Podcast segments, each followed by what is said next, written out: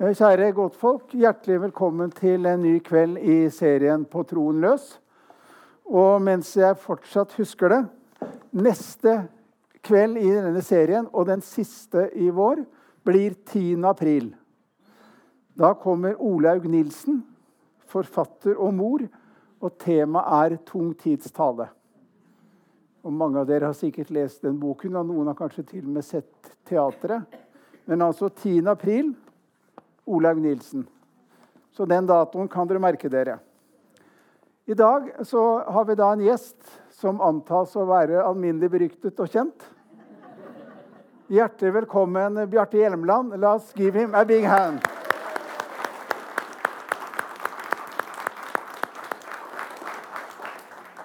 Tidligere teatersjef, skuespiller, revyartist. Ja. Tidligere sotraværing. Bor nå vekselvis i USA, Key West og i Oslo. Og er av og til her vestpå. Ja, her er jeg mye. Her er du mye. Ja. Ja, Og så skal du snart snart spille en forestilling her på Ole Ja. Jeg er her i disse dager for å lansere mitt nye show. Nummer tre i rekken av uh, uh, et slags. Det første var Guk og gøy. Det andre var I lånte fjær. Og nå kommer Ja. Som er et problematisk ord. Ja. Det er et ord du kjenner til også, Ja, vil jeg tro. Ja. Det sier man jo av og til i kirken. ja, vi gjør det. Gjerne to og to. er ikke, vi sier ja oftere enn vi sier gud, hvor gøy. Ja. I grunnen sant.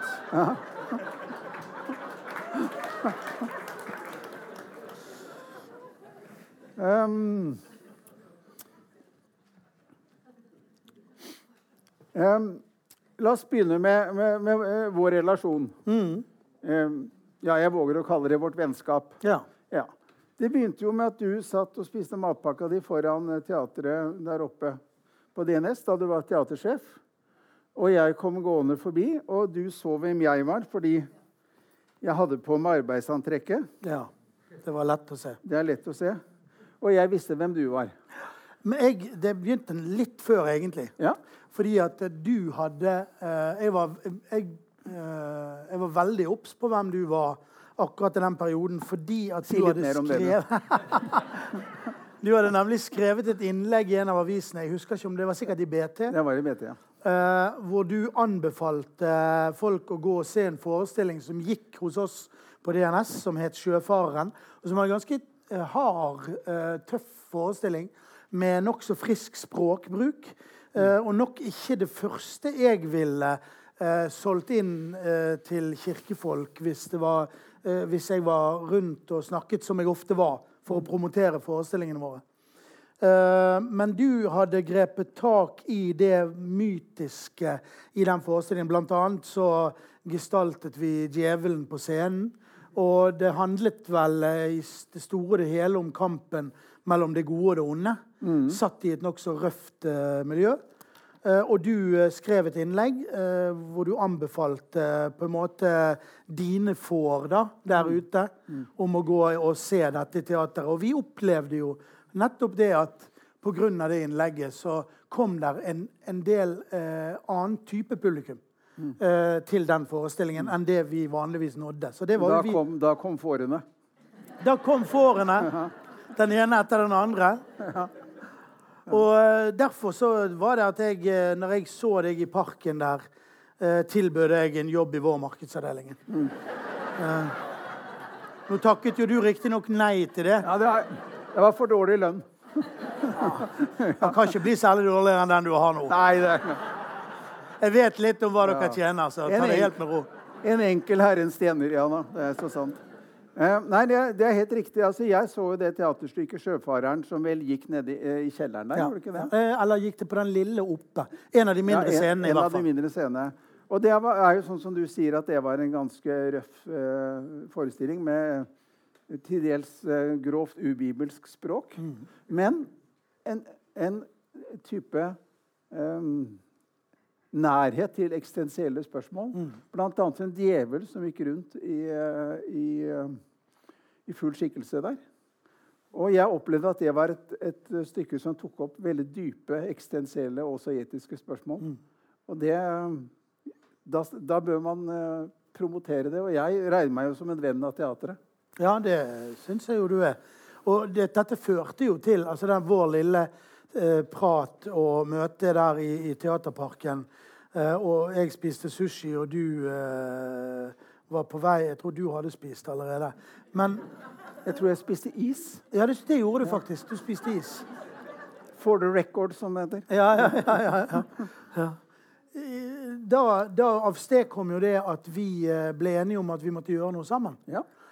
Som gjorde at eh, cirka, vel, jeg tror kanskje et par år etter så samarbeidet vi om den ganske store satsingen fra vår side. Eh, forestillingen 'Ordet' av Kai Munch.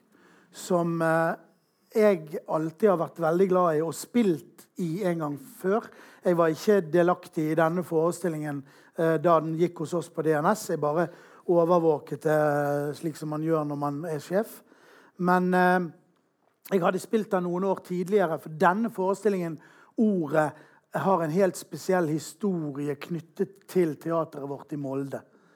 Um, som jo ble dannet sånn eh, på omtrent når jeg ble født, tenker jeg, i 1970 ca. Mm. Så poppet jo disse regionteaterne opp. Uh, Hålogaland teater i Tromsø, som ble veldig politisk. Og uh, uh, teateret vårt i Molde, som ble et mer kunstnerisk teater, og som også Pga. at det på en måte ligger, i, ligger vel i det utvidede bibelbeltet, hvis man kan snakke om Jeg det i tror det er Norge. selve beltespennet. Er det det? Ja, I Molde, der oppe? det eh, Jeg tenker at det er Sørlandet. jeg. Ja, men, Men i ok, hvert fall det er ikke noe viktig. Um, er der, der, der har de spilt det stykket. Det var åpningsforestillingen på teatret. Mm. Og jeg spilte det da 25 år etter. Da, da. Så jeg har alltid hatt et veldig sterkt forhold til stykket. Får jeg lov å si bare to ord om hva det handler om? Eh, det- jo, handler jo om troen på mirakelet. Eh, det er skrevet av Kai Munch på det slutten av 1800, begynnelsen av 19. Noe sånt? Er det der han lever? Ja, Det er vel skrevet på 1900-tallet. tror jeg. Ja, Han dør jo under annen verdenskrig. Ja, ikke sant? Ok, Så han skriver det tidlig på 1900-tallet. Um, uh, handler om en uh, handler om eh, for så vidt kirkefolk, uh, grundtvigianere og pietister på den danske landsbygda, egentlig, som, eh, eh, som, som to familier som på en måte eh, krangler seg imellom. Og så har de nesten i Romeo og Julie-stil selvfølgelig da en ung mann og en ung pike fra, fra hver av familiene som da forelsker seg i hverandre. Og dette blir problematisk for de to. Navet i denne grundtvigianske familien, det er hun som heter Inger. Og, og hun holder liksom det hele sammen. Hun lager maten, hun sørger for at alle har det bra. Hun er et fantastisk kvinnemenneske som, som driver hele denne familien. Hun dør på et tidspunkt, og den rollen som jeg spilte den gangen i Molde, Johannes, som er sønn i huset, han er prestestuderende. Han blir gal, sånn religiøst gal, på en måte, og tror at han er Kristus på et tidspunkt. Så kommer han tilbake. Hans svigerinne Inger er død, ligger i kisten. Eh, og så ber han om å få lese over henne. Eh, og det får han. altså litt, De behandler han litt sånn som vi gjør med folk som er gale eller mindre begavete. eller hvordan man skal se det. At de sier sånn Ja, men la henne få lov å altså. Så ber han over henne, og så står hun opp igjen fra de døde. Og det er jo et fant en fantastisk drama og et fantastisk teaterøyeblikk når hun reiser seg fra, fra kisten. Det handler jo om at han, Kjør debatt. han Ja. Det handler jo om at han tror og ikke tviler. Er så ren i sin tro Ja. at det faktisk skjer. Ja. Eh, betyr det at eh, det som holder Eller er det Kai Munchs tese, da? At det som holder oss andre igjen fra å kunne gjøre det samme, det er en så ren tro? Ja, Det er vanskelig å vite hva som er hans tese, men ehm, jeg tror at han ville avlegge et vitnesbyrd om, eh, om miraklets mulighet. Eh, men han var jo en, ganske, han var jo en prest, eh, motstandsmann under krigen, og derfor ble han jo skutt. Mm. Eh, han var preget av det som vi kaller for den dialektiske teologi, eh, som da eh, var en teologi som la veldig vekt på, på åpenbaringen, mm. på, på, Guds ord, og at det skulle tas på alvor. da. Altså, han var jo ingen pietist sånn sett. Han var jo veldig kulturåpen. Jf. det at han skrev skuespill. Han skrev også flere skuespill. Mm. Men han, han, mente at uh, Guds ord var et skaperord. Og Du skal aldri undervurdere hva dette ordet kan gjøre. Derfor er jo så da tittelen 'Ordet'. Mm. Og um, jeg tror Hans poeng var å avlegge et vitnesbyrd om underets mulighet, ikke da et eksempel til etterfølgelse nødvendigvis. Nei. Og Det var jo det som de av diskusjonene som vi laget rundt dette. For vi laget mange samtalekvelder eh, rundt, rundt stykket. Eh, hvor du deltok eh, i sterk grad, og hvor også Egil Morland, som har forsket på Kai Munch, mm. og som er min gamle konfirmasjonsprest, tilfeldigvis, deltok i, i, sterk grad. Og da var det jo nettopp dette med mirakelets mulighet som ble diskutert, husker jeg, og, og, og forsøkt belyst. da. Det er jo vanskelige ting å snakke om. da. Ja, det er det. Men um, kirke og teater um, det hadde vi som tema forrige gang her. Da var Agnete Haaland her mm. sammen med kollega Kari Weiteberg fra Oslo. Eh, og Da snakket vi litt om hva som er likt og hva som er forskjellig mellom kirke og teater. Eh, det har jo sikkert du også, eh, teatersjef Hjelmeland. X. Mm. Noen tanker om? Ja, altså Likheten er jo ganske lett å få øye på. Mm. Eh, og eh, da jeg var tenåring, så gikk jo jeg med en stor drøm om egentlig å bli prest. Eh, og, hadde, var veldig klar på at det var det jeg ville. Um, og når jeg da ikke ble prest, men ble skuespiller, så må jeg jo si at mange deler av det føles jo som Ja, ja, men det var jo ikke så Det, det føles ikke som en enormt stor endring, det. På mange måter. jo, men Jeg mener det er litt alvorlig òg. Fordi at, altså det, det, er mange likheter. Altså, mange ting i våre to yrker. Eh, det at man fortolker en tekst, mm. det at man står foran et publikum. Mm. Det, at, uh, det at, klokken, at det er viktig å kunne klokken. Du har to klokker foran deg. Ja, Den ene går feil. Hva skal du da med den? Ja, nei, det er ikke jeg som har satt den der. Okay. Uh, den, er, den, er, den er ti over elleve. Ja, det er et problem. Det er ja, det er fordi at jeg, skal, jeg, at jeg skal tro at vi er nå midt i høymessen. Ok.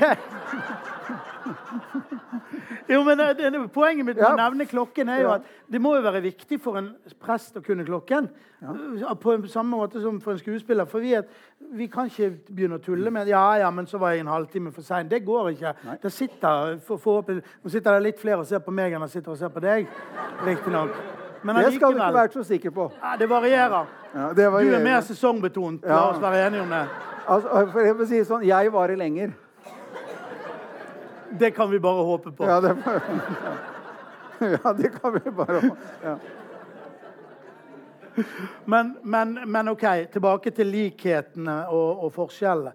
Eh, likhetene er jo åpenbare. De, vi mm. behøver ikke påpeke nei, alle de, for de, de, ser man jo. Eh, men, eh, men, du sa noen, noen ting en gang, eh, nemlig at, at for, altså for eksempel uh, dåpshandlingene eller alle de rituelle tingene som man gjør i kirken.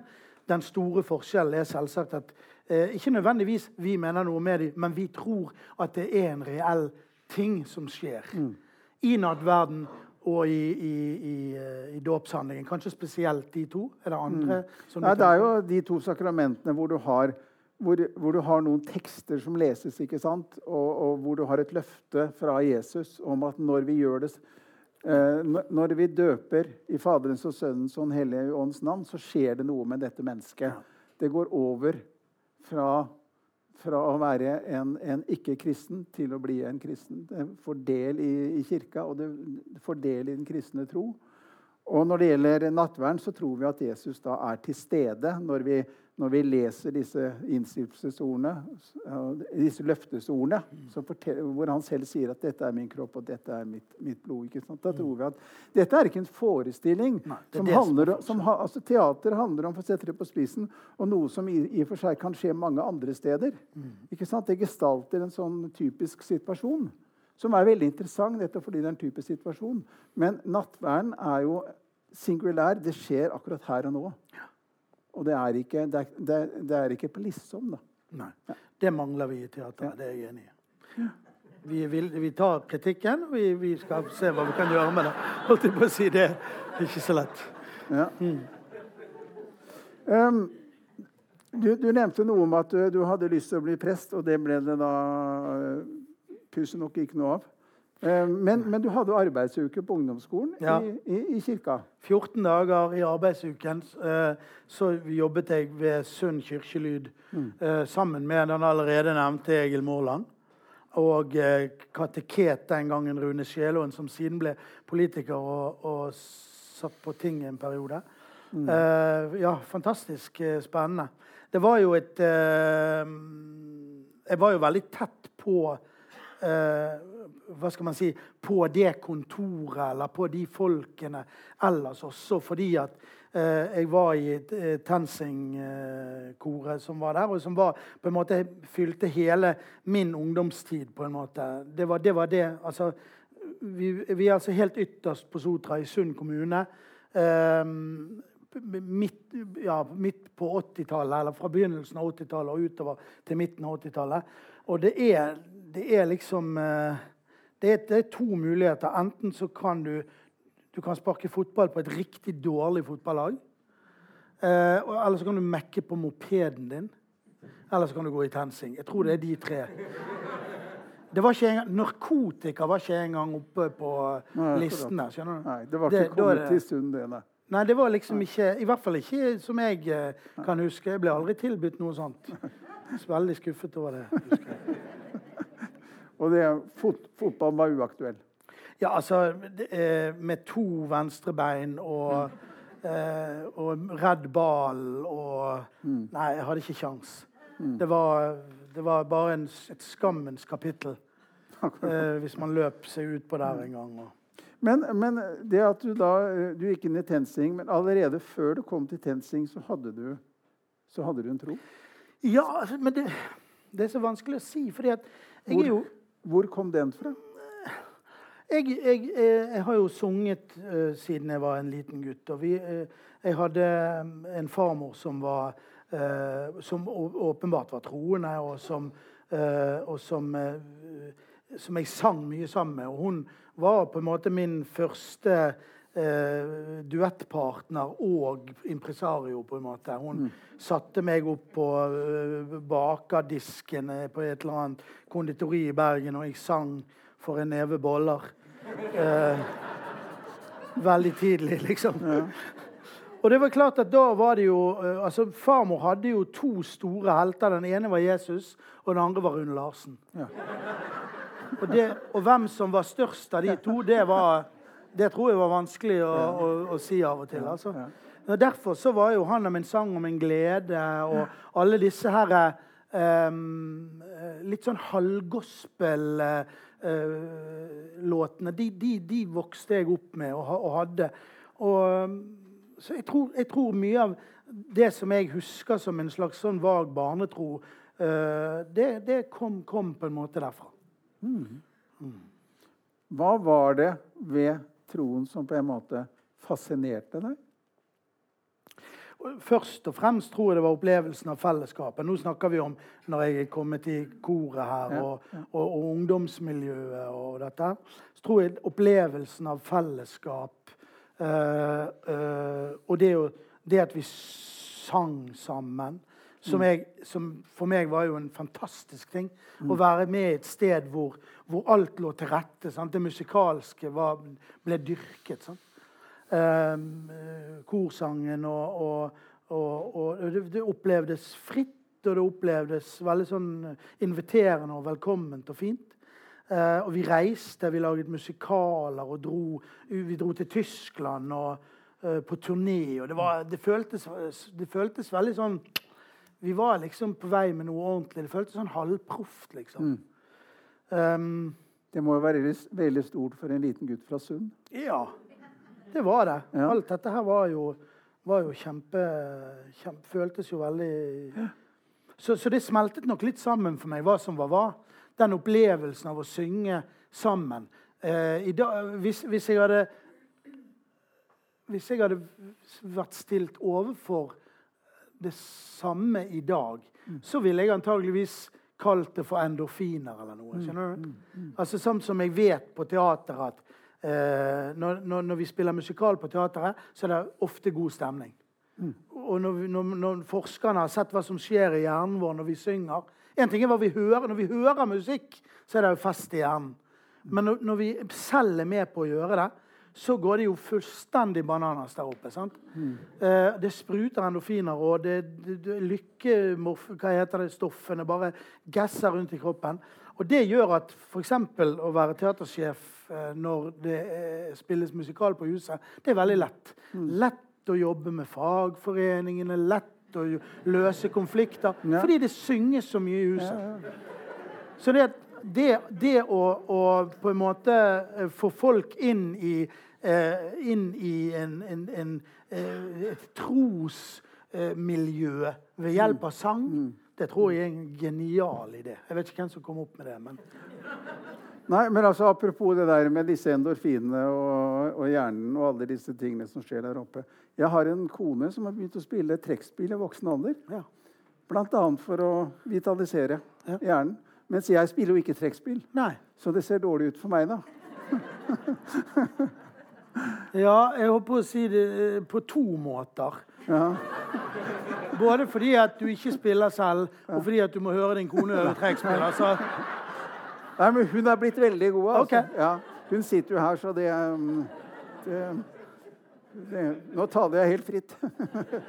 ja, ja. Um, en liten parentes.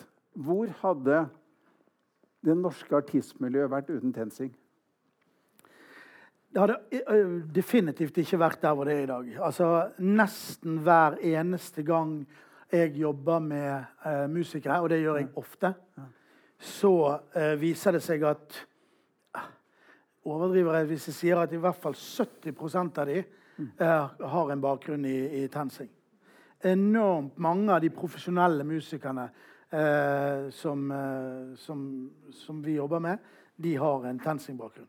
Og eh, når vi ble sittende eh, utover kveldene etter konserter eller forestillinger, og, og det kommer frem en kassegitar og en flaske vin, så er det jo Bjørn, gamle Bjørn Eidsvåg-låter og gamle TenSing-låter som kommer opp. Bjørn Eidsvåg var jo en avsindig viktig person for oss den gangen. Fordi at han Sånn som jeg opplevde det Dette er selvfølgelig ikke en objektiv sannhet, men sånn som jeg opplevde det eh, når jeg var, var 12-16 eller noe sånt, så var det veldig mange eh, som snakket om tro, og veldig få som snakket om tvil. Og det er jo egentlig det vi har satt som vår overskrift i dag. Tro og tvil. på en måte. Og, det, og den tvilen som Bjørn Eidsvåg la for dagen, og den problematiseringen av et trosliv som skulle kobles opp mot et vanlig eh, eh, samfunnsliv, eller hva man skal si, og spesielt når man er i tenårene, den var det på en måte ingen som hadde eh, satt ord på på den måten. Eh, eh, hva, hva betyr det å, å være tro? Hva betyr det å eh, å- altså, altså, Hans låt 'Forbuden frukt', sant? som forteller om dette paret som sitter og snakker sammen. Og jeg vet at jeg har, jeg har så lyst å kysse deg, og jeg har så lyst til å ligge med deg. Og jeg vet at jeg ikke burde. Og alle de tingene der det satte jo han ord på på en måte som resonnerte helt eh, enormt med oss. Mm. Um, uh, så, så, og, og det er klart at dette var nok Dette var jo en kime hos meg til å se at fordi vi visste at han var prest, selv om han nesten allerede den gangen nesten ikke praktiserte det lenger. i det hele tatt. Han var vel allerede blitt men han gikk vel fremdeles under navnet rockepresten. Det har han jo heldigvis sluppet unna etter hvert. Um, men det, det, var nok også en kime til denne prestedrømmen min. Mm. At jeg så at det må finnes en annen måte å være prest på enn de folka som jeg visste om. da. Mm. Uh, og mange av de som jeg visste om, uh, som jeg hadde stor respekt for og stor kjærlighet til, de representerte jo allikevel De var veldig konservative. Mm. Mange av disse, altså Egil Måland er jo en, åpenbart en superkonservativ eh, mann, og han har, vært, liksom, han har vært redaktør i Dagen, liksom. Han har i hvert fall skrevet en del i Dagen? Da. Han har jo vært, han har vært inne for Finn Jarle Sele. Har han det, ja? Jeg tror ja, okay. det i perioder. Ja. Uh, ble du urolig nå? Ja, det ble Jeg har jo ikke jeg har, ikke, jeg har ikke full oversikt over det. Nei, nei, men jeg, det, vi, vi, der regner med dette. Greit. Er Egil her? Nei, jeg har ikke Men altså, han er jo en god venn av oss begge. da. Ja, ja. Altså, vi, vi, holder han jo for å være en bra kar. Absolutt. Ja. Vi bare mener forskjellig om ting. Det, er, uh, det gjør jo meg og deg òg. Det har vi jo definert for lenge siden. Det jeg. Um, ja da, det, det, kan vi komme litt tilbake til. Um, la oss bare understreke det at TenSing er en fantastisk ting. Både for det, for det, norske artistmiljøet, men også når det gjelder å få unge mennesker inn i et trosmiljø mm. og, og, gi dem noe utrolig verdifullt for resten av livet. Eh, og nå er jo du ute av TenSing for lenge siden. Eh, og allikevel så er du en uh, kristen og en troende mann. Mm. Så for mange er det jo sånn at når det miljøet blir borte, så, så sildrer liksom også troen ut. For det får ikke den samme stimulansen i mm. fellesskapet lenger. Men hos deg så har det blitt værende. Hva er det som er umistelig for deg med troen?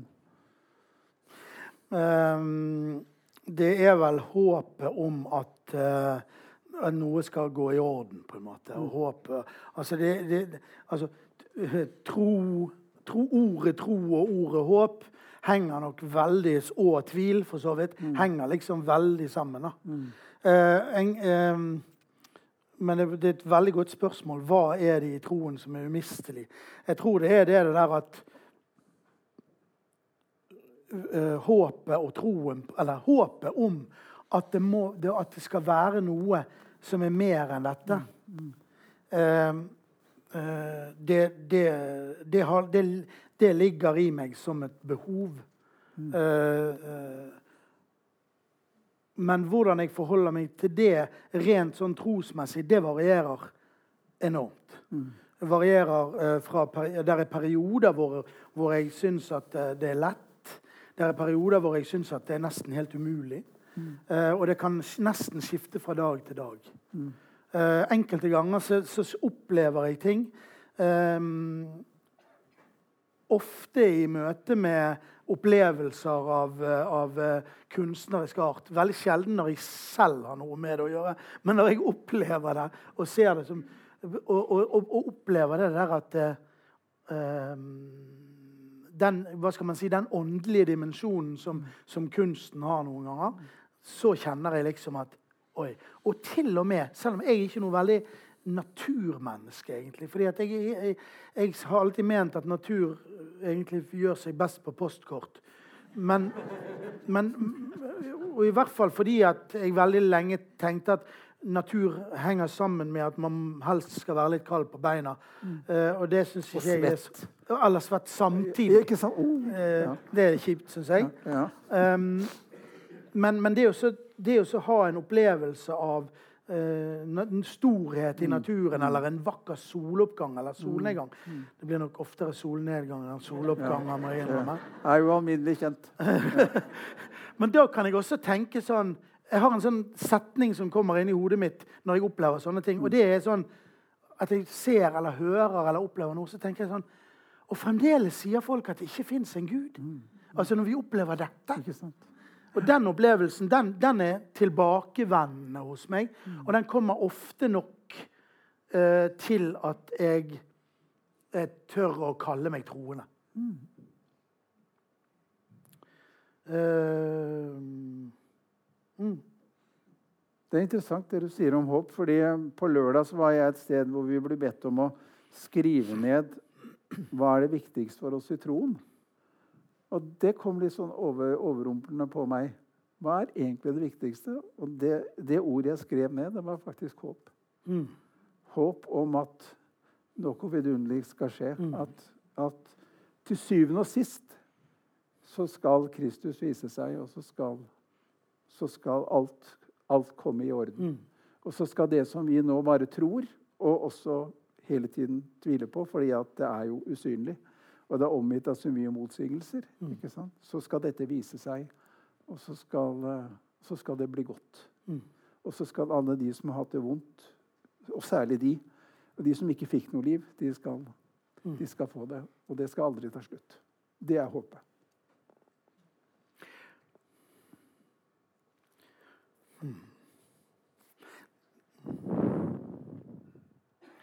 Det, ehm, det, er, det ligner på det håper jeg har. Men uh, Ja, for eksempel for deg. Uh, hvordan ser din tvil ut, da? Hva, hva, hvilke ting, Er det logikken? Tviler du på logikken også?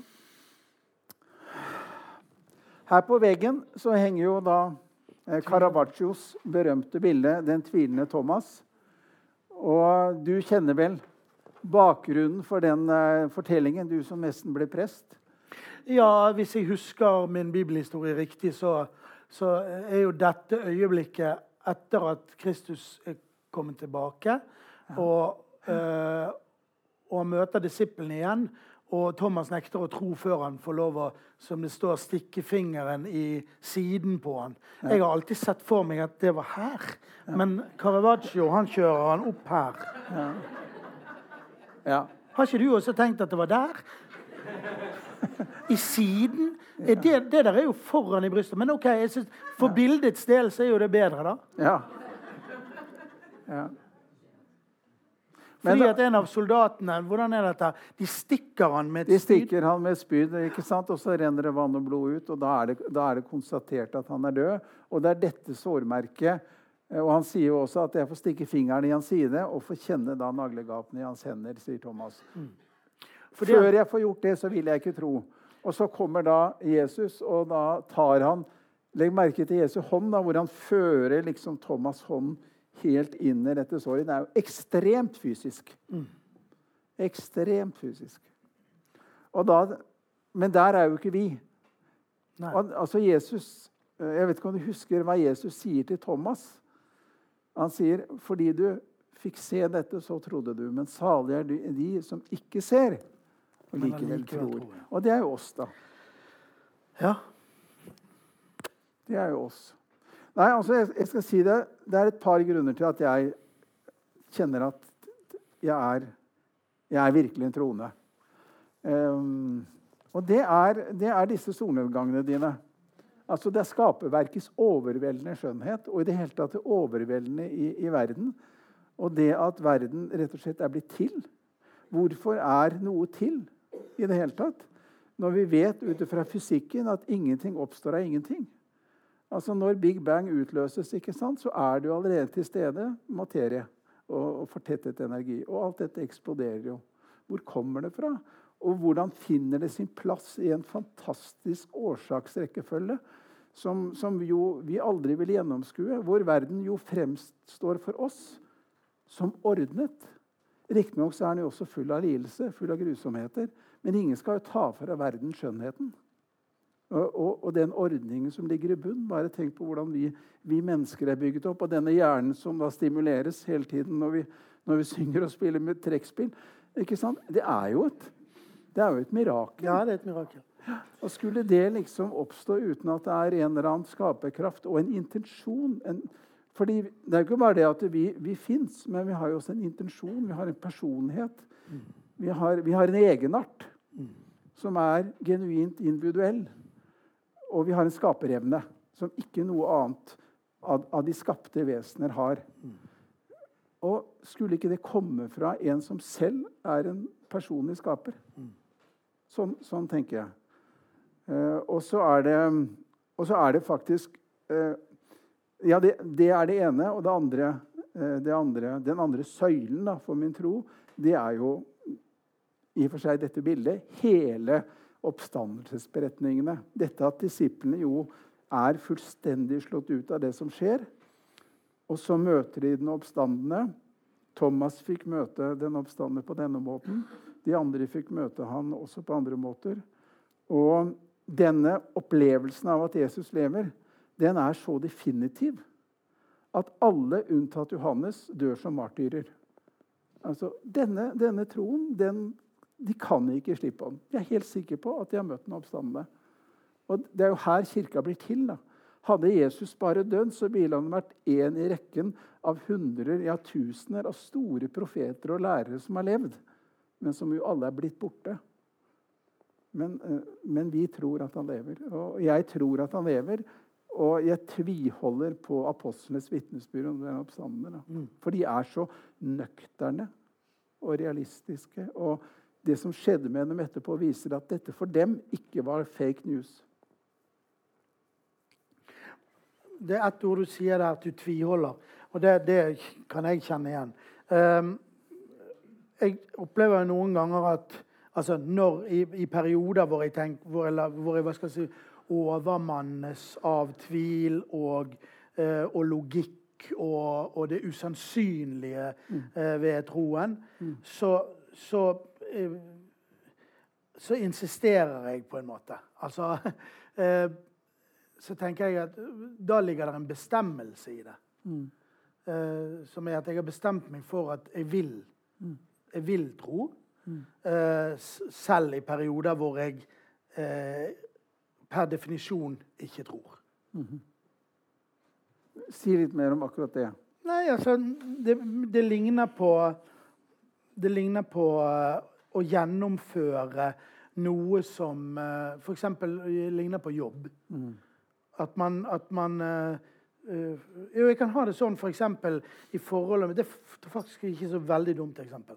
Jeg kan ha det sånn med å uh, Vi snakker jo om veldig ofte i, i min bransje, f.eks. i revybransjen, hvor vi oppdager at vi skriver, vi skriver, en tekst, eller noen skriver en tekst. 'Dette er gøy.' 'Å, dette var gøy.' Denne blir gøy. Mm. Og så jobber du med det, og så jobber du med det, og så jobber du med det. Og på et tidspunkt så begynner du å tvile på den teksten. Fordi at du har tygget den, drøvtygget den så mange ganger og alle de du jobber sammen med, de fem-ti som jobber på prosjektet, har sett det om igjen og om igjen, så de har sluttet å le. Og det er fremdeles 14 dager til premiere. da blir Bjarte svett.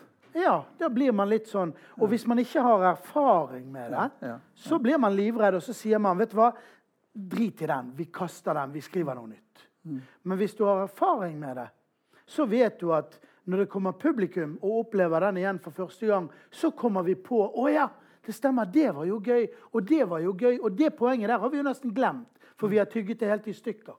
Og litt sånn tenker jeg at det er med, med den personlige troen òg. At i perioder så tenker man sånn Men dette er jo ingenting. Mm. Her er det jo ingenting. Mm. For det kjennes, det kjennes, jo ikke som det er noen ting. Og så må man på en måte kjøre gjennom den fasen, og så kommer det en ny solnedgang, da, forhåpentligvis. Mm. Ja, altså For meg så er det jo også sånn at jeg tenker altså For det første så tenker jeg det er veldig mye som taler imot troen. da. Mm. Altså Den er jo, den er jo usynlig. Mm. Og den er for så vidt også usannsynlig mm. ut fra vår alminnelige tenkemåte. Dette at et menneske skal stå opp igjen mm. fra de døde, har vi ingen erfaring av.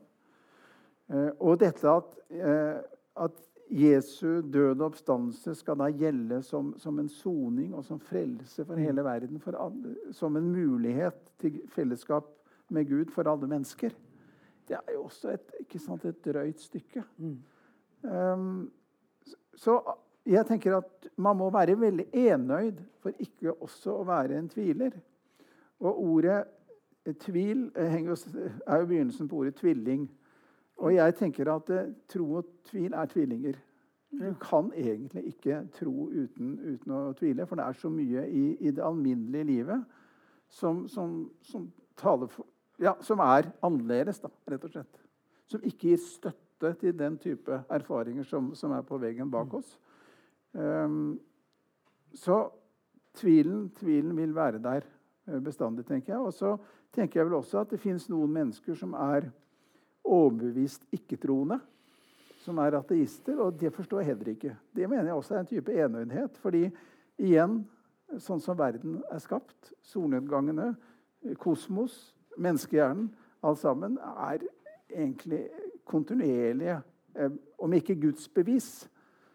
Så som en tidligere biskop i Børgvin, Per Lønning, sa en gang Det er en inntil bevis grensende sannsynlighet for at Gud fins når man ser på verden. Og det, det, det holder jeg fast på. Mm. Men det er klart eh, det er, det er dette spennet mellom tro, tro og tvil som, som, rett og slett hører livet til. Da.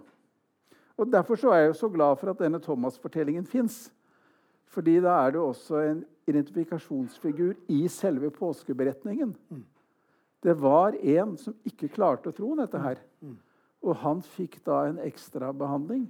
Og ifølge kirkehistorien så ble jo han en av de store apostlene og reiste visstnok helt til India for å forkynne evangeliet. Om hvorvidt det er sant, det vet vi ikke, men i hvert fall han, han ble også han en apostel som ga sitt liv for denne troen. Heftig. Ja, det er en heftig ting. Men jeg har lyst til å spørre deg om um, litt mer om ditt forhold til, til tro, og hvordan, hvordan, det har vært i din egen livshistorie. Det er jo ingen hemmelighet at du er homofil.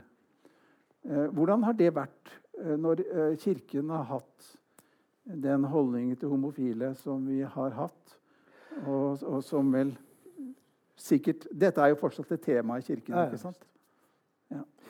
Um, det var absolutt en uh, utfordring. ja. På den måten at uh, dette var mitt miljø, og jeg gikk samtidig som jeg gikk Altså, jeg balte jo mer i tenårene med, med, disse, med, disse, tankene omkring min egen seksualitet enn jeg balte med tro-tvil-tankene. Fordi at, som du tidligere sa, altså jeg var i dette miljøet, så, sånn at det fikk næring hele tiden.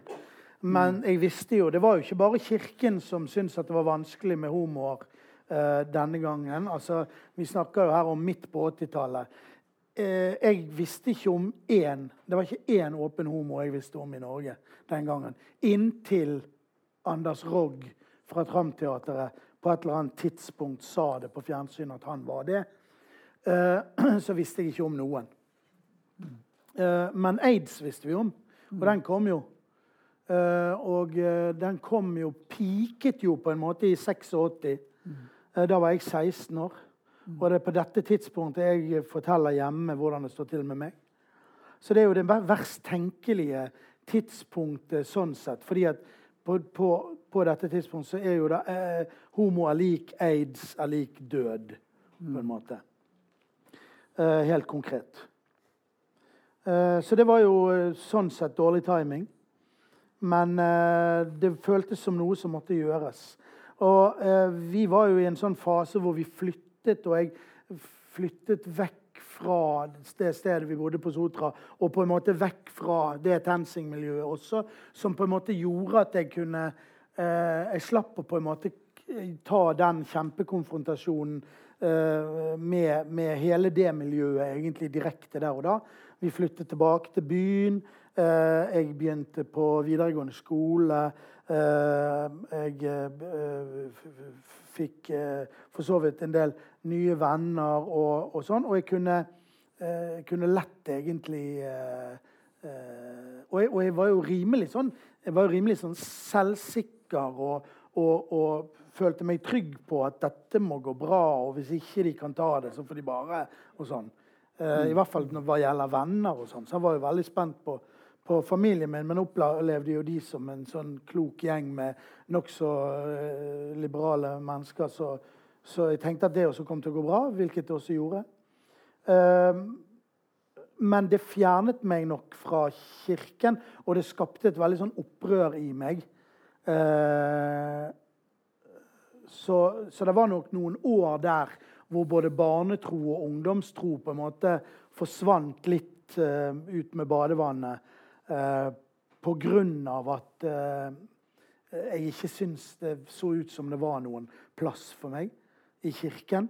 Eh, og det føltes ikke Det var på en måte aldri noen option for meg å, å si at Altså altså for eksempel, hva skal man si, sølibati, eller det der med og, Ja, du må gjerne være det, men du må ikke praktisere det og sånn.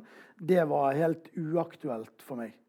Um, så, så der, var jo, der var det jo på en måte Der røk jo kirken da, mm. uh, ut bakdøren, på en måte. Og, um, og det tok mange år før jeg klarte å skille mellom kirkepolitikk eller kirkens holdning til disse spørsmålene og mitt eget forhold til Gud.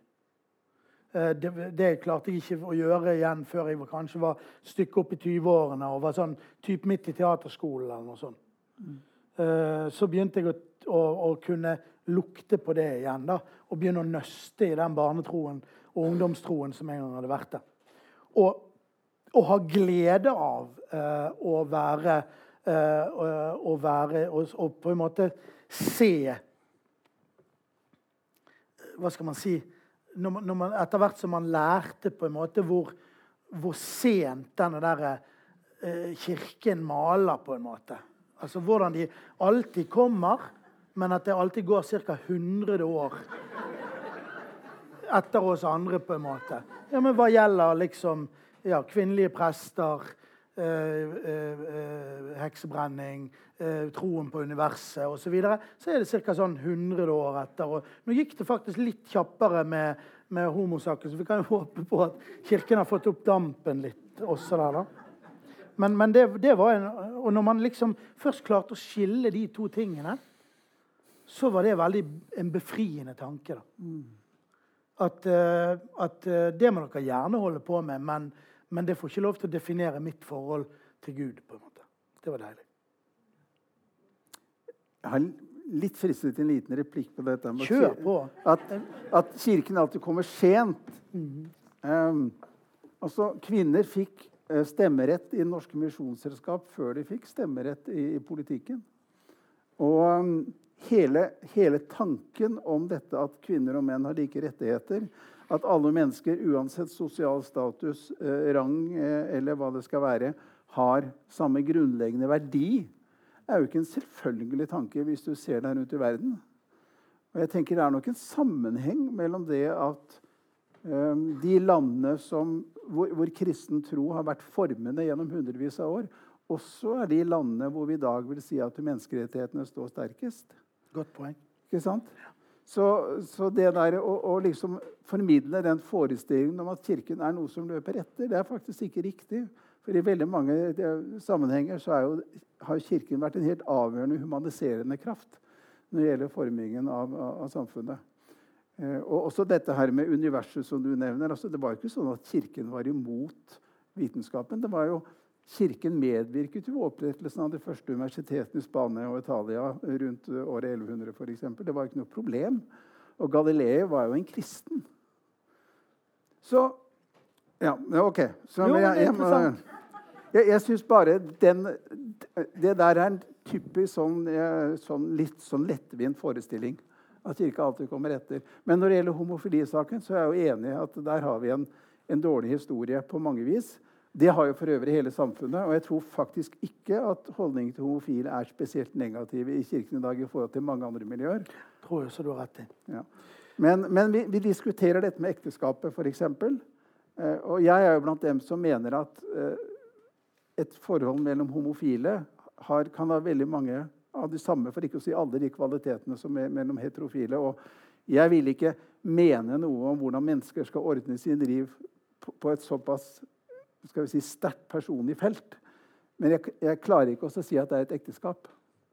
Der sitter jeg nok fortsatt i den, i den, grunnleggende tanken om at det er en ordning i alle kulturer til alle tider mellom kvinne og mann som har en, en, en helt bestemt sånn biologisk begrunnelse. Da. Det finnes jo mange former for skap. Det fins vennskap, naboskap. Ekteskapet har denne, denne biologiske dualiteten i bunnen da, som gjør at det er så, men, men, det tenker jo ikke vi helt likt om. Og det, og det er og, og, og det lever jo Kirka med. da. Dette har jo vi definert oss to imellom ja. for mange år siden. så Det er jo det har vi gjort. Og, og, det er det jo lov det er det jo nå lov å være uenige om i Kirken. Ja, til og med det. Til og med det. Ja. Og jeg, jeg tenker at det, det hører vel også med til det å være i kirke at vi ikke, ikke alltid tenker likt om alle ting. Det hører vel med til å være menneske. Ja, det gjør vel også det. Um, jeg har lyst til å bare si, spørre deg litt om, om, dette igjen, dette med tvilen, som jo er dagens tema. Um, hva, du, hva, du, gjør med den når den kommer. Har du noen uh, Går det da en indre dialog med deg selv? Og minner deg om dette her som du sa i stad, at uh, ja, nå er jeg i en fase hvor jeg tviler på disse tekstene, sånn som det kunne være før en forestilling. ikke sant? Mm, mm. Men, men, bare vent. Det kommer, det kommer tider hvor, hvor, hvor, disse tingene vil, vil være levende for meg igjen. da. Ja, jeg tror, tror, det er litt sånn som det, det jeg forsøkte å si i sted. At, mm. at, at uh, jeg er ganske god på å bestemme meg for å gjennomføre. Uh, til tross for at det er vanskelig.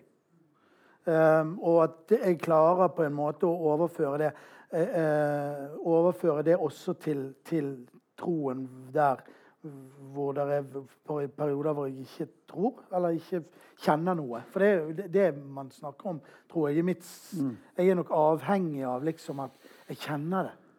Ja. Um, og, det, og, det, og det er jo også en ting jeg ikke stoler på helt. Sant? Fordi at jeg har jo også opplevd at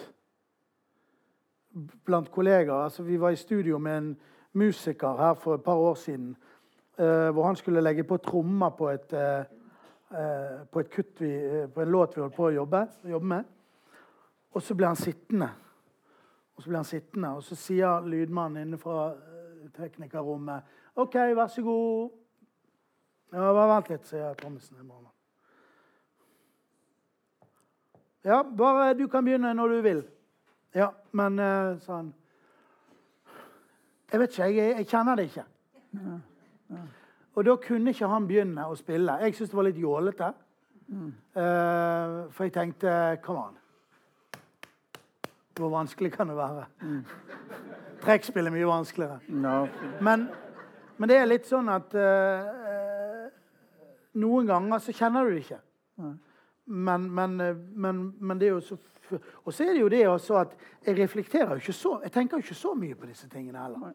Jeg går jo ikke rundt og tenker så mye og, og, og, reflekterer så mye over mitt eget forhold til Gud eller til min egen tro eller min egen tvil at, at det er Noen ganger er det en, en Jeg opplever det mer som en, som en elv.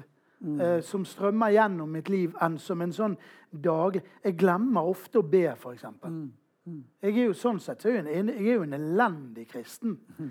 Eh, og, og, har jo masse sånne greier som jeg Og, og jeg er jo og, alle vennene mine har jo mye høyere moral enn meg, for eksempel, og kjefter jo på meg i alle sammenhenger. Jeg har veldig strenge venner.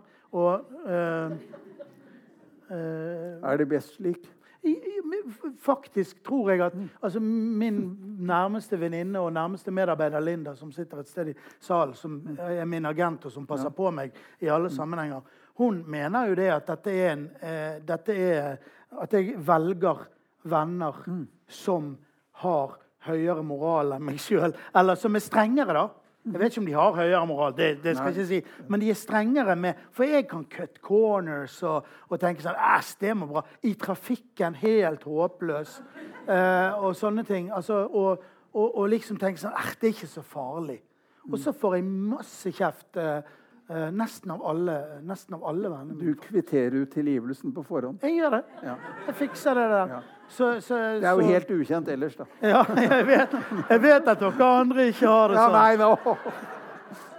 nei, det skulle tatt seg ut. Men, eh, så det er nok en ordning som jeg har, underbevisst ordning som jeg har laget meg. Mm. Mm. Men dette her, altså, du snakker litt om å kjenne, kjenne troen. Mm. Er, er det Jeg skal bare si hva jeg assosierer med det. da. Eh, for meg handler det ikke veldig mye akkurat om en følelse, men det har med en type sånn grunnleggende tillit.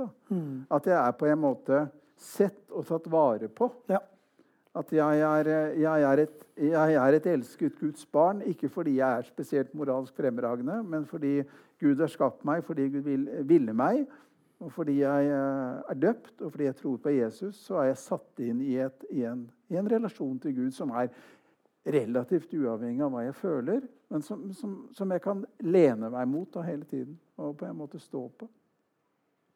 Og så er det lett å tenke at i din jobb mm. så eksponeres du hele tiden ja, for denne, denne type eh, problemstillinger og, mm. og, og, må forholde deg til Uh, som, som uh, ikke nødvendigvis Jeg skal ikke påstå at ditt kristenliv er lettere enn mitt, men, men det er klart at du Jeg får en del ekstra stimuli. Du må jo, må jo ja. tro du får det. Ja, altså Det er Fordi klart at, å gå rundt med dette korset. Det er, jo, det er jo en permanent påminnelse om hva jeg driver med. Og mange jeg kjenner går med det korset i en noe mindre variant, ja, vil jeg påstå. Ja, uh, ja. Og jeg som har sett noen mennesker uten klær på, så har jeg jo sett de noen har tatovert det på seg. Uh, som, som, uh, og det tror jeg i, våre, i, vår tid kan bety alt mulig rart. Men, uh, men det, det, har jo noen ganger gjort meg veldig glad, faktisk. Mm. Mm. Å se en sånn tatovering. Men jeg, jeg, jeg, har en Du spurte meg i vår lille prat før dette Uh, om jeg liksom er med i en menighet. Uh, og det er jeg jo egentlig ikke her. Jeg bor, som du sa innledningsvis, det føles jo som en grov overdrivelse å si at jeg bor delvis i Amerika. Det, det, er jo det jeg drømmer om, eh, fordi at da har jeg fri, stort sett. Men jeg er der jo egentlig bare når jeg har fri. Men jeg har nå dette huset mitt i Key West, Florida, som jeg uh, er i så mye jeg kan. Um, og der har jeg en menighet som jeg går i. En liten kirke som heter MCC Metropolitan Community Church, som startet i New York i 1970, omtrent da jeg ble født.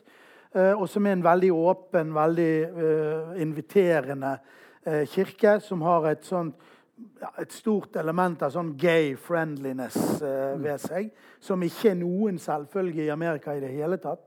Mm. Hvor jeg har opplevd Kirken som en veldig skummel, skummel, institusjon mange ganger fordi at de er så politisert. og og de er så, eh, ofte så ekstremt høyrevridd at du får helt angst bare du kommer innenfor dørene der. Um, I den kirken så har de um, en, en, litt annen liturgi enn i den andre amerikanske kirken. Den, den, den, de, de, uh, de, har, de har vridd på noen småting som på en måte åpner opp enda lite grann mer og sier ønske velkommen. Um, men der er det en sånn liten sang. Og jeg skulle ønske nå at jeg klarte å huske de første linjene av det, av det for den er så fin. og jeg blir, det er Akkurat det som du sa om å føle seg ivaretatt mm. og føle seg uh, sett og føle mm. seg tatt vare på, mm. det føler jeg når vi synger de fire linjene. Og på et tidspunkt så går han sånn You shall no longer be outwounded, outcast uh, lonely mm. or afraid. Mm. Og, og, når vi synger det, de fire linjene som vi synger på hver eneste gudstjeneste der, så kjenner jeg liksom at Å ja. Der var det. Mm. mm. Ja. Så bra.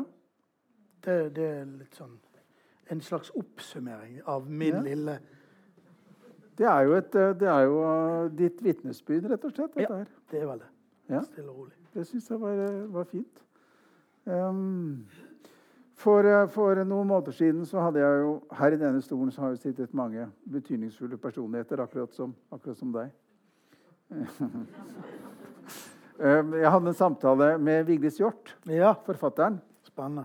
Ja, Veldig spennende dame, som jo har sagt offentlig at hun er, eh, hun er ikke en troende, men hun vil gjerne være det. Ja.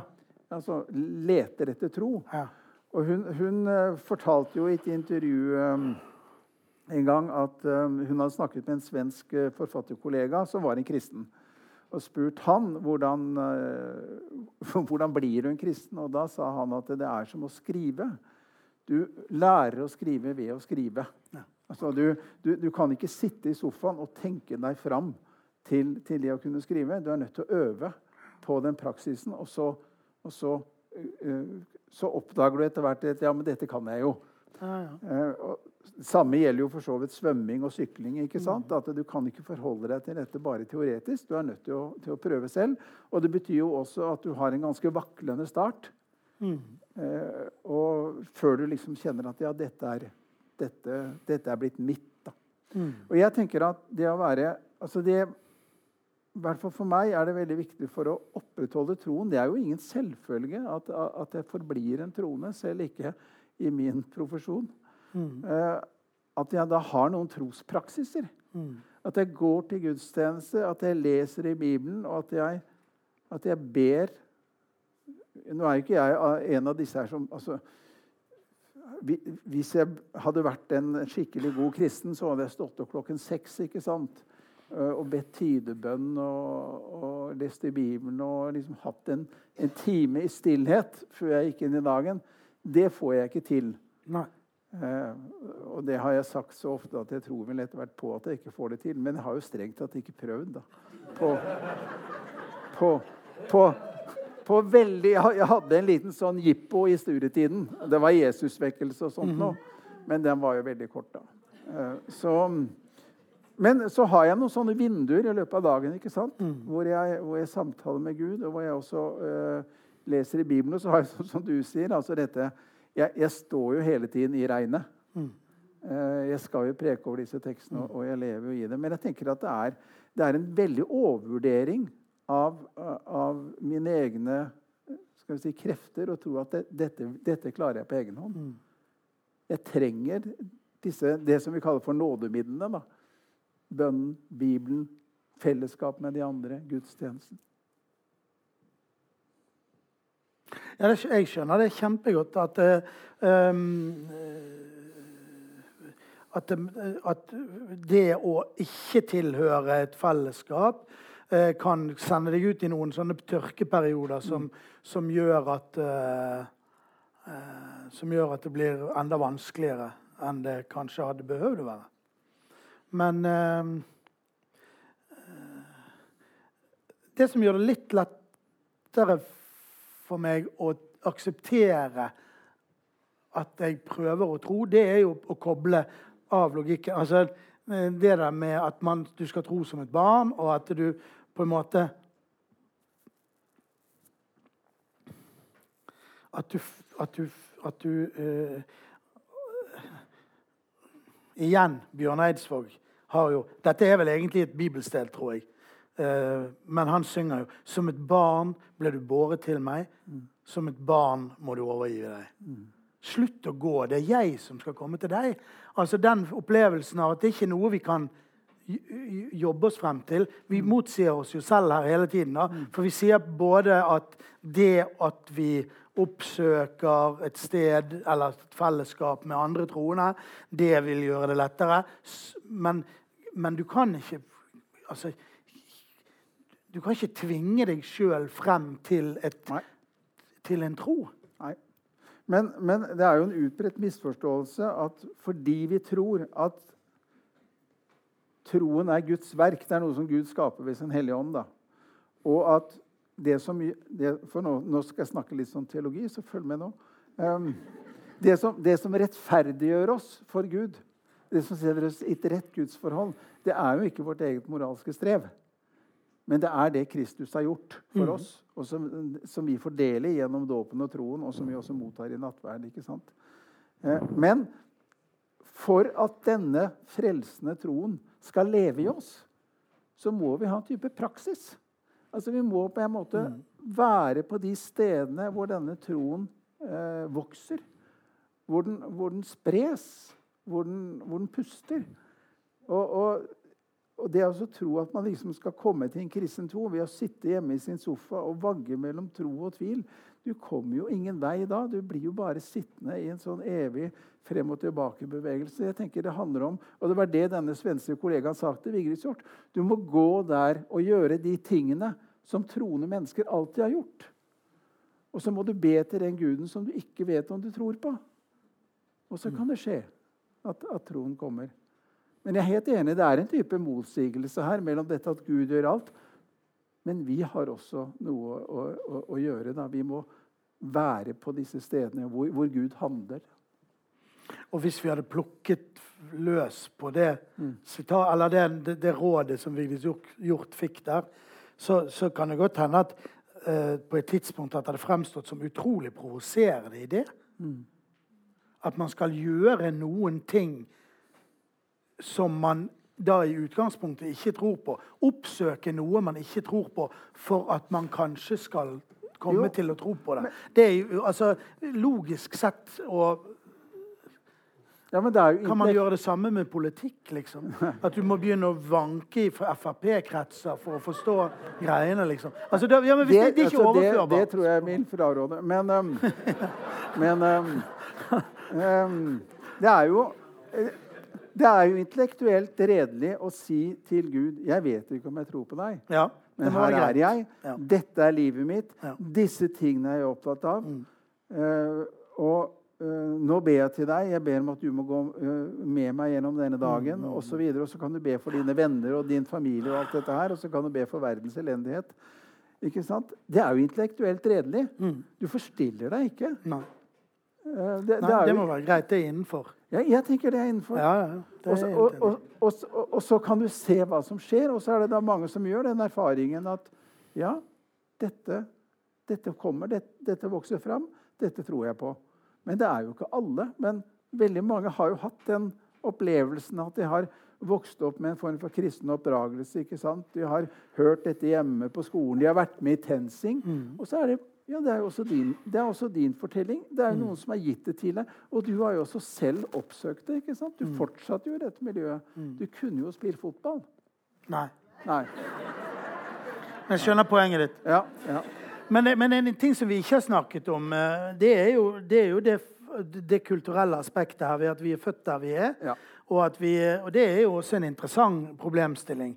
Altså at hvis, hvis du og jeg var født i en forstad til Lahore, så ville vi antageligvis vært oppvokst i en annen tro og trodd på noe annet. Og, og, og, og kjent det på, på samme måte. Og da kommer jo det der gamle ordet som heter 'enhver er salig i sin tro', eh, på en måte. Eh, og som begynner å, i hvert fall å nærme seg eh, eh, I beste fall da, eh, forståelse for andres tro. Eh, selv om vi veldig ofte praktiserer det motsatte. Eh, så, så, så bør jo vi som henger i en trostråd et eller annet sted i vår egen, i vår egen tro, akseptere at noen andre tror på noe annet. ja, men jeg er helt enig. Det er Sånn sett er det jo lettere å tro på Gud enn på Jesus. på en måte. Fordi at denne der forståelsen av ja, men noen må ha laget det, og du kaller han det, og jeg kaller han det, det får være greit. Det slår vi en strek over. Men Jesus kommer på en måte inn og perforerer den litt. Altså, det er helt opplagt at Hvis vi hadde vært født i Saudi-Arabia, begge to, så ville vi eh, ikke hatt noe valg annet enn å være muslimer. Eh, Så, sånn sett så er jo også troen da, i hvert fall ytre sett, et miljøprodukt. Og det stemmer jo med det jeg sier. Den er jo avhengig av noen kilder, og de kildene må jo være der. rett og slett. Men det er jo ikke noe, det gjelder jo enhver overbevisning. Også ateisten, humanetikeren, buddhisten. Uansett hvilket livssyn du har, så er du et, et, type, et type miljøprodukt. Du hadde ikke vært det hvis du ikke hadde møtt disse tankene noe sted. Og så tror vi vel allikevel at mennesket har en viss frihet da, til å, i hvert fall i vår del av verden, til å velge mellom ulike, ulike livssyn. Og så tenker jeg Vi er veldig heldige som lever i et samfunn hvor du kan få lov til å tro akkurat hva du vil. Mm. Den første som innførte religionsfriheten, var jo for øvrig keiser Konstantin da, i 312. Som jo var den første kristne keiser i Romerriket. Så det er en ganske genuin kristen tanke. det at eh, du skal få tro hva du vil, selv om Kirka ikke har vært spesielt god på den praksisen bestandig. Eh, Det må vi jo innrømme. Men, men det, er en, det er en innvending du kan rette mot, mot en- enhver overbevisning. Så kan du relativisere den ved å si at du er et produkt av det stedet du kom fra. For meg spiller ikke det noe stor Jeg, har ikke noe, jeg sliter ikke med at ehm, Jeg sliter ikke med at eh, at, at hvis jeg hadde vært oppvokst et annet sted i verden, så ville jeg sannsynligvis trodd på noe annet. Det perforerer ikke egentlig mitt forhold til, til noe, egentlig. Og så har jeg litt sans for, for um, noe som Dostojevskij har sagt. Da. Jeg tenker at Min tro, og, sikkert også din tro, er jo helt avgjørende preget ikke bare av en type Guds, abstrakt gudsforestilling, men av denne personen Jesus. Mhm. Som jeg mener er i ordets egentlige forstand makeløs. Eh, måten han møter mennesker på, hvordan han inkluderer de utstøtte, hvordan han tar på de spedalske som ingen vil berøre. ikke sant? Eh, og, og, og det han sier eh, altså når, når, du leser det han, han sier, f.eks. For forteller om en bortkomne sønn At en mann på et par og 30 år kan lage en sånn fortelling, det er jo smått, er helt fantastisk. Og Dostojevskij har jo sagt et sted at hvis jeg skulle velge, hvis Kristus ikke var sannheten Jeg tror at Kristus er sannheten, sier Dostojevskij. Men hvis han ikke er sannheten, så vil jeg heller ha Kristus. Si det en gang til. Jeg tror at Kristus er sannheten, sier Dostojevskij. Men hvis han ikke var sannheten, Så vil jeg heller Kristus. enn sannheten. Ja. Altså, det er jo en veldig sånn spissformulering. Ja, ja, ja, men- men, men, wow. men det han sier, det er at det, det, det som gjør at det er en troende, det er, det er denne Mm. det, er, det er Jesus. Og den Gud som da viser seg gjennom Jesus. Mm. tenker jeg. Og det er jo da definitivt noe annet i kristendommen enn f.eks. i islam. da. Mm. En ting som tror jeg vi skal innom før vi, før vi åpner opp for, for spørsmål eller kommentarer fra salen, og som jeg tenker vi alltid må snakke om når vi snakker om dette med tvilen, det er jo det vi kaller for det ondes problem. Dette at vi tror på en Gud som har Jeg tror på Gud Fader, den allmektige. Og så er verden sånn som den er. Så tror vi at Gud er ikke bare allmektig, men at han også er god. Og så er verden sånn som den er. Er, er det tanker Jeg hører jo det argumentet der. Hvordan Mm. kan du tro på en gud når det er så mye lidelse i verden? Men eh, det har Nå skal man passe seg på hvordan man snakker om dette, for det kan komme utrolig kynisk ut. Men eh, hvis jeg sier det litt grovt, så vil jeg si det, den problemstillingen har aldri plaget meg fordi at eh, jeg syns at det, det står helt tydelig at vi fikk fri vilje og til å organisere oss på en måte selv. Um, det sånn at uh, et, Det er en setning i uh, 'Kringsatt av fiender' som heter 'Finnes her hm, og svik'. Er det noen som kan det? Finnes her krig og sult? krig og sult? Nei, krig. Skyldes det svik? Skyldes det svik. Ja, det. Altså- edelt, er, edelt er mennesket, jorden er rik, finnes her. Et eller annet kjipt, Krig og sult skyldes til svik. svik. Ja. Og, og, og, og sånn tenker jeg om det at det vi, stort sett vi Mm, selv, alle, det store vi som har laget det trøbbelet, på en måte. Mm. Altså krigen, eh, ja, sulten, men altså eh, egoismen, eh, ikke-viljen til å dele med hverandre osv. Så videre. sånn at Ja. Jeg, jeg tenker at eh, eh, han kunne selvfølgelig laget denne verden sånn som de, sånn som jeg ser tegningen i de bladene som Jehovas vitner eh, har på gaten. Altså Hvor det bare er herlig med to sånne blonde barn og noen sauer og en løve og sånn. Som har det Og løven og sauene er gode venner. Kjempevenner. Og de barna, det går helt fint. Ja, det går helt fint. Altså, det kunne selvfølgelig vært, Det kunne sånn, vært sånn. men det hadde jo vært et mindre interessant sted antagelig Mm. for oss å oppholde oss, vil jeg tro. Ja. Så spørsmålet er jo hva er prosjektet, liksom? Hvorfor? Hva skal Jo, han altså, oss? jeg, jeg tenker sånn som deg at det som, er, det som er grunnen til at spørsmålet om lidelsen oppstår, skyldes jo i all hovedsak ting som mennesker gjør mot hverandre. Ikke sant? Mm. For det er jo en fantastisk jord vi lever på. Den har masse ressurser, men det er grunnleggende skjevt fordelt. Og det fins grådighet, og det fins undertrykkelse, og det fins imperialisme og alt, hele denne fortellingen, som er menneskets fortelling fra begynnelsen av. Den er jo, det er jo vår fortelling. Det er ikke noe vi kan skrive på, på Guds konto. Men, og så tenker jeg også det at det, hvis du spør mennesker som, er, som, som lider, f.eks. Eh, ikke, noe, ikke noe kontinent i verden har så mye gudstro som Afrika. Det er, det er ikke fordi de har det bedre enn oss. Men, men de lever altså da med, med dette, dette som vi snakket om tidligere, dette håpet. Som er, tar, du, tar du gudstroen fra de som lider, så tar du fra dem det, det, det mest dyrebare de har. For der ligger jo håpet. Og det inspirerer jo veldig mange mennesker over hele verden til å kjempe for frigjøring og rettferdighet. Men så gjenstår det én rest da, som jo vi må bare innrømme at vi ikke kommer til rette med. Og det er da den, den meningsløse lidelsen som ligger i selve, i selve livet. Eh, kreftsykdom, ikke sant. Eh, jordskjelv, som jo skyldes måten jorden faktisk er konstruert på, med disse platene som, som, som gnisser mot hverandre.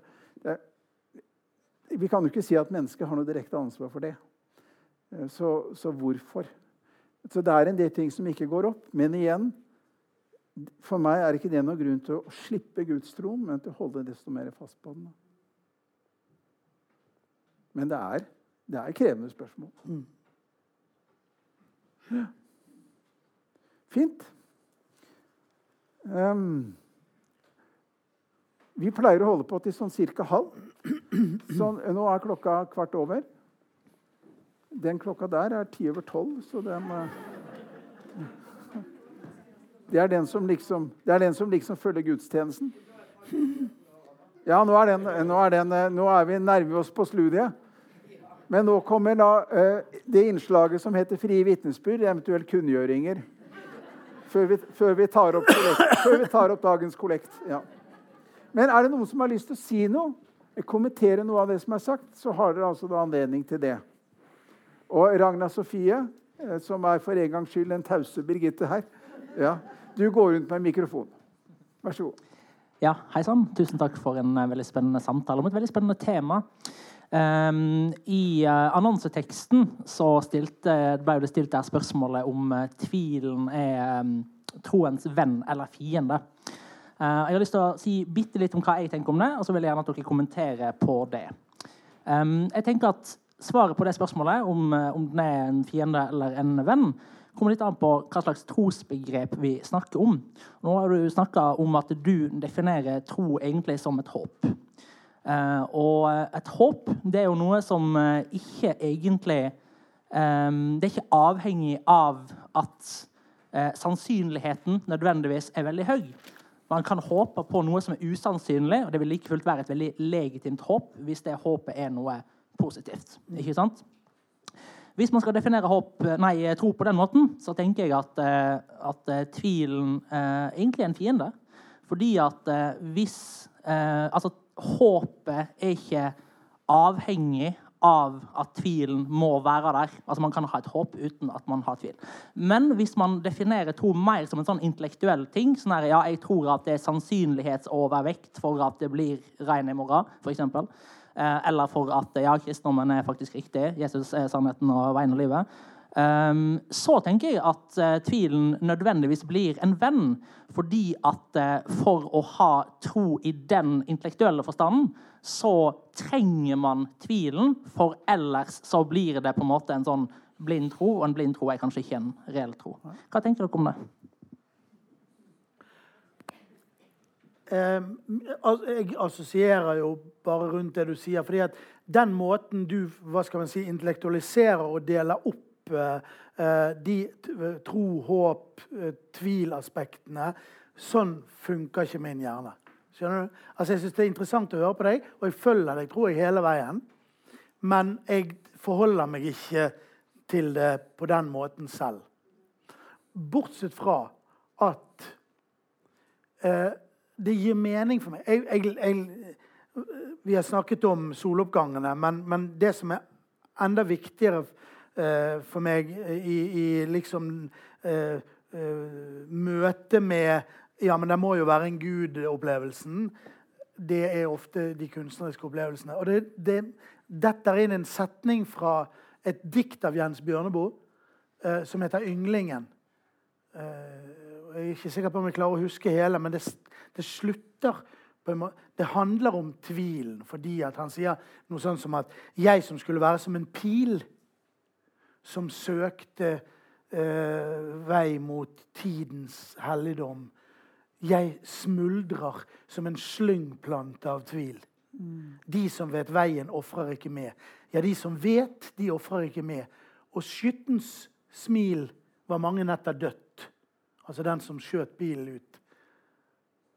Og så sier han på slutten eh, eh, Men ennu kold av bitter nattesved, og det ble taust i meg da jeg fikk se det. Og nå kommer det.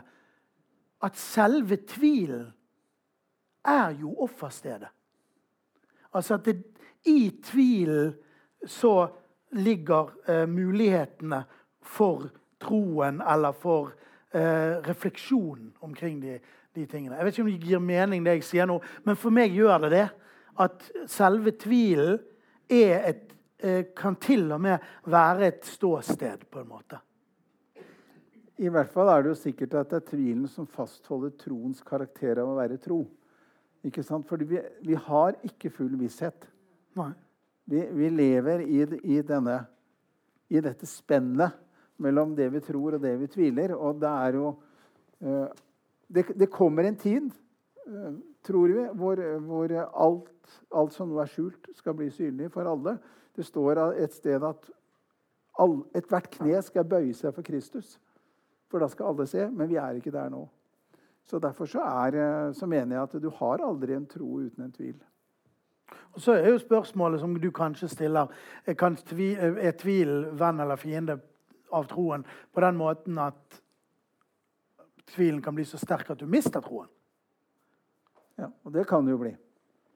Ja, det, det kan, kan bli. Men på en annen side så tenker jeg at hvis du fortsetter å tvile og, og kjenner at ja, men troen er Troen er på en måte eh, død i meg, men men du vender deg likevel mot Gud med det som er din overveldende tvil, så er det en troshandling.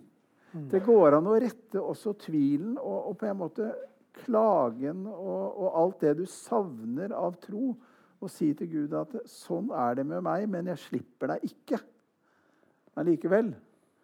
Altså det, er, det er jo en fortelling et sted om at uh, uh, hvor Jesus sier at på samme måte som slangen i ørkenen ble løft, Moses løftet opp slangen i ørkenen, og de som så på den, ble, ble helbredet. De ble reddet da, fra, fra, fra, slangenes angrep. De bygde en kobberslange i ørkenen, og den løftet de opp. På samme måte skal menneskesønnen løftes opp. Og like etterpå kommer dette ordet eh, For så høyt har Gud elsket verden, at han ga sin sønn, for at hver den som tror på ham, ikke skal gå fortapt. Og jeg tenker, Den der fortellingen om kobberslangen som blir løftet opp, hvordan Jesus gjør det til et forbilde på sin egen død. De som, ble, de som ble reddet av kobberslangen, det var nok å se på den. Det var nok å vende seg dit. Og jeg tenker også, også med Kristus. Hvis du vender blikket mot Kristus midt i en overveldende tvil, så er det en troshandling. OK. Jeg kjøper det. Ja. ja. Andre som har lyst til å si noe? Nei, det var bare en liten kommentar som jeg ble eh, falt i tanker på. At av og til så må man faktisk gå ut av det fellesskapet. Ja. Uh, og det Jeg bare satt og det tårna litt opp i hodet mitt. Og kanskje var det det som, uh, som sparte Eller som fikk deg tilbake igjen. Fordi at da må man gå ut av et fellesskap hvis det er for trangt. Mm. Ikke sant? Og for å finne det møtet med Gud sjøl som, som er romslig nok sant, til å romme meg. Når ikke jeg bare tenker på dette med Vigdis Hjorth. Jeg tror jeg ville kanskje gitt henne også det rådet at det ikke alltid, du skal ikke gå og gjøre alt det som de sier. Nei, for du skal finne det også inni deg sjøl. Ja, men jeg eh. tror jeg, Altså Vi er jo 80-talls. 80 men du, ja, men dette, dette, henger jo sammen med det vi snakket om med, med opprøret. ikke sant? Altså at Viktigheten av å ikke ta ting for god fisk, og mm. viktigheten av å stille spørsmål, og kanskje til og med som du sier, fjerne deg fra hele greien og se det på avstand. Og selvfølgelig, Jeg beklager ikke de årene jeg ikke Det gjør jo ikke meg noen ting nå. Mm. Akkurat som de antageligvis ikke hadde gjort meg noe hvis jeg ikke trodde at det fantes noen gud. i det hele tatt, Så hadde jeg vært helt rolig antagelig i det, eller like urolig i det som jeg er i dette. på en måte. Men men, eh, men, det tror jeg du har helt rett i.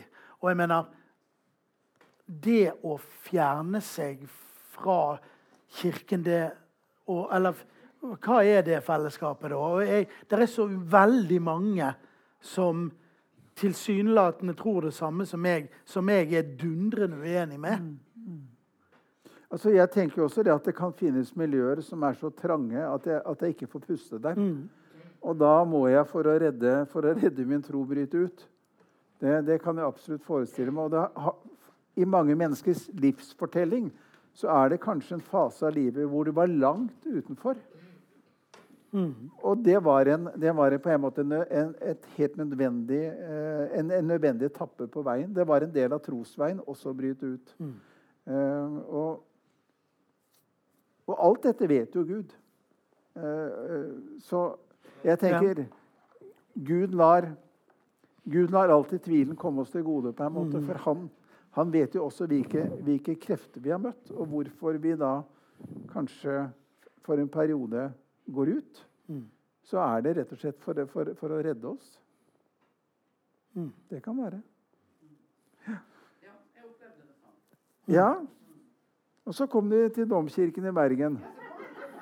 Nei, først ja, I hvert fall når jeg traff Camilla, da var det på Sjømannskirken i, i New York. Ja, ja du, har et, du, har et, kjærlighetsforhold til Sjømannskirken. Ja, det. Vi må snakke om det. Det handler veldig mye om hun som sitter der.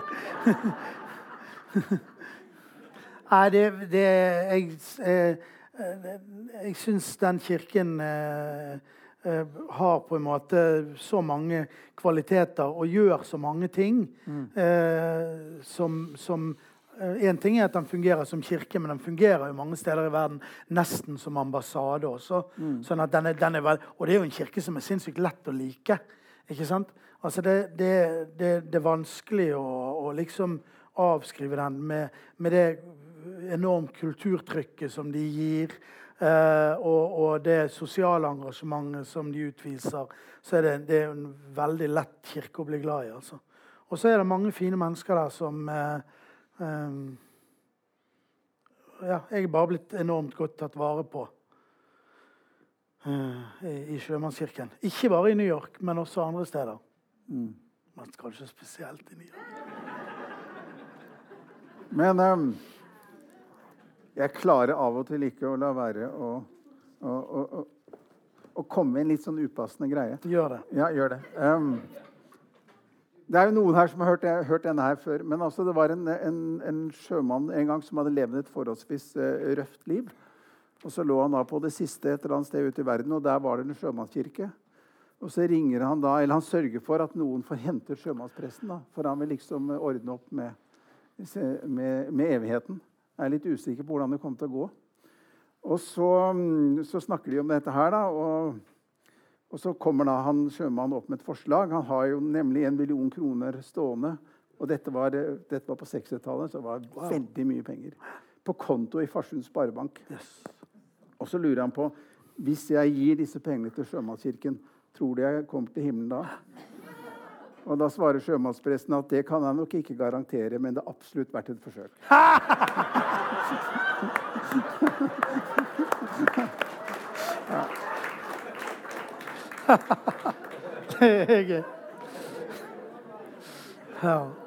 det var, eh, det var, vel kanskje ikke en, en, en, veldig passende avslutning. Jeg mener alltid man skal forlate rommet på en punchline, så ja. Ja, da gjør vi det. Tusen takk for at dere kom, og takk til Bjarte Hjelmeland. Veldig hyggelig. Kjempekult. Tusen takk.